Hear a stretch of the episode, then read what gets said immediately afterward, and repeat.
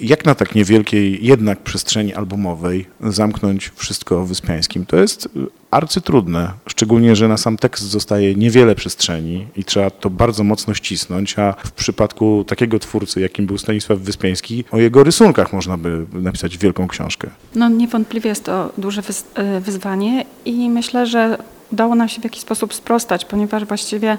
podzieliliśmy tekst e, katalogu na dwie części. W pierwszym mówimy o e, świecie wyobraźni Stanisława Wyspiańskiego, czyli głównych jakby ludziach, drogowskazach, którzy jakby pociągnęli go w określone kierunki, bo zawsze pamiętajmy o tym, że był genialnym artystą, ale nie żył w próżni i dużo ludzi wokół go tworzyło jednak i dużo ludzi mu pomagało. E, też jest tam zawarte jakby dużo informacji o historii, o antyku, o folklorze, o tym, co było dla niego właśnie istotne i z czego czerpał. Natomiast druga część y, katalogu to jest już właściwie pokazanie go jakby z wielu stron, to znaczy jako artystę, projektanta, artystę portrecista, artystę, twórcę pejzażu, ale też właśnie reformatora teatru, trochę muzyka, trochę typografa, a nawet y, troszeczkę człowieka biznesu, no bo niewątpliwie Wyspiański w jakiś sposób te pieniądze zarabiał i musiał z czegoś przecież żyć. To, co mnie zaskoczyło w tym albumie, to, że znalazła się również przestrzeń na zdjęcia z fotograficznego atelier, które też dają nam trochę taki asumpt do wyobrażenia sobie tego,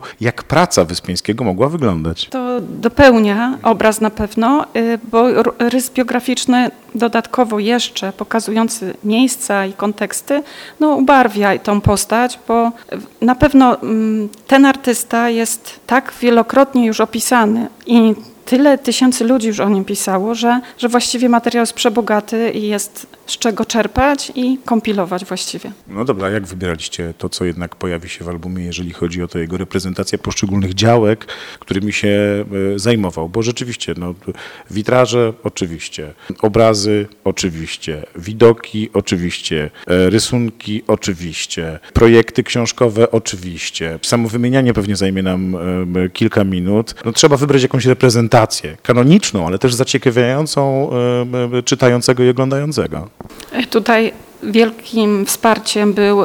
pan profesor Lech Majewski, profesor Akademii Sztuk Pięknych w Warszawie, który doskonale zestawiał pracę, bo wiadomo, że wybór był określony. Wybieraliśmy rzeczy najbardziej spektakularne, też najbardziej znane, chociaż czasami sięgaliśmy do, do obiektów mniej czytelnych, jakby mniej w obiegu bardzo e, ciekawie zestawiał profesor te obiekty, ponieważ nie są one zestawione chronologicznie, tylko jakby artysta opowiada o drugim artyście, czyli e,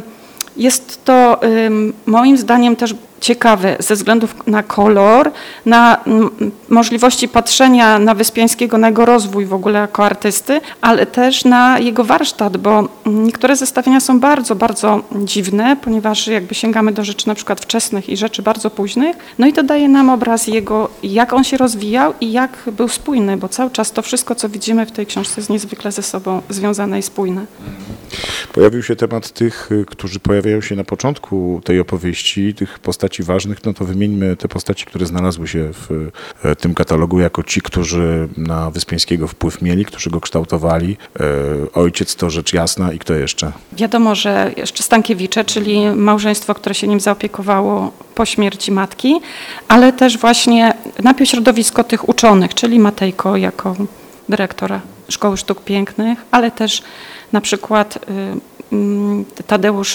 y, Streicher, czy przyjaciele Wyspiańskiego, tak, tacy jak Karol Maszkowski, czy jeszcze Lucjan Rydel, czy Józef Mechofer, ale też jakby z drugiej strony duży nurt historyków sztuki, czyli Marian Sokołowski, czy architektów, Tadeusz Stryjeński, więc jakby staraliśmy się pokazać go w otoczeniu mm, takich ważnych postaci w tamtym czasie, filarów, którzy właśnie jakby jego po części wynieśli do góry, bo, no bo Wyspiański bez nich i bez ich jakby podsuwania przez nich książek, czy kształcenia przez nich jego jako młodego chłopca, a potem bez wielkiej, ogromnej wyprawy do Paryża, gdzie na pewno pomógł mu niesamowicie Władysław Ślewiński, czy w ogóle kontakt z Louvrem, czy Trocadero z tą sztuką najlepszych lotów, to właściwie Wyspiański 24-letni, kiedy po Paryżu powraca, to już jest artysta w pełni dojrzały i w pełni ukształtowany właśnie dzięki tym wszystkim wektorom, o których przed sekundą rozmawialiśmy. To, co mnie pochłonęło, o tak,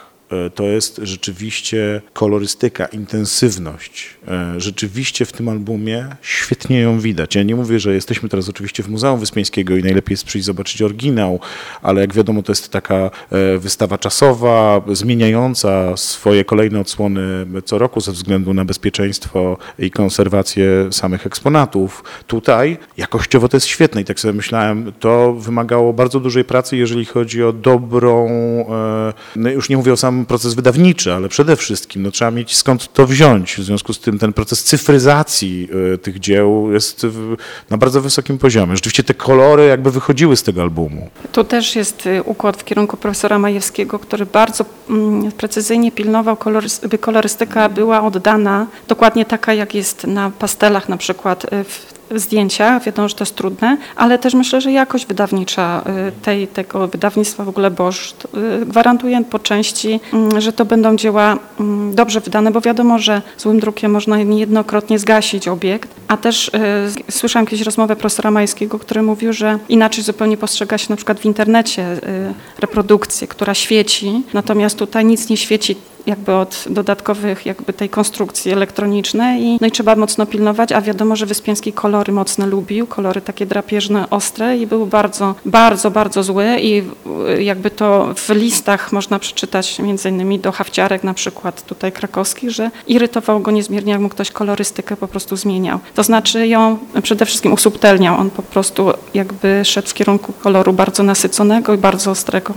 To świetnie widać na przykładzie pasteli, które są tam naprawdę rewelacyjnie oddane i ta intensywność, a jednocześnie to, że naprawdę w tym albumie widać strukturę tego, jak on, jak on pracował i to jest fenomenalne, w sensie, że można też oglądając poszczególne jego dzieła prześledzić też tą drogę, bo to jest kolejny trop y, przeglądania tego obrazu i czytania o Wyspiańskim. Dobrze, że takie albumy powstają dla y, wizualne, bo wiadomo, że książki są świetne, książki y, naukowe czy książki biograficzne, ale myślę, że nacisk, bo tutaj właściwie jest nacisk na szatę ilustracyjną jest też istotny, bo, no bo w ten sposób jednak przybliża się jego twórczość szerszej publiczności i myślę, że dzięki takim albumom też więcej y, Państwa trafi do Muzeum Stanisława Wyspiańskiego, bo będzie chciało jakby skonfrontować je z oryginałem.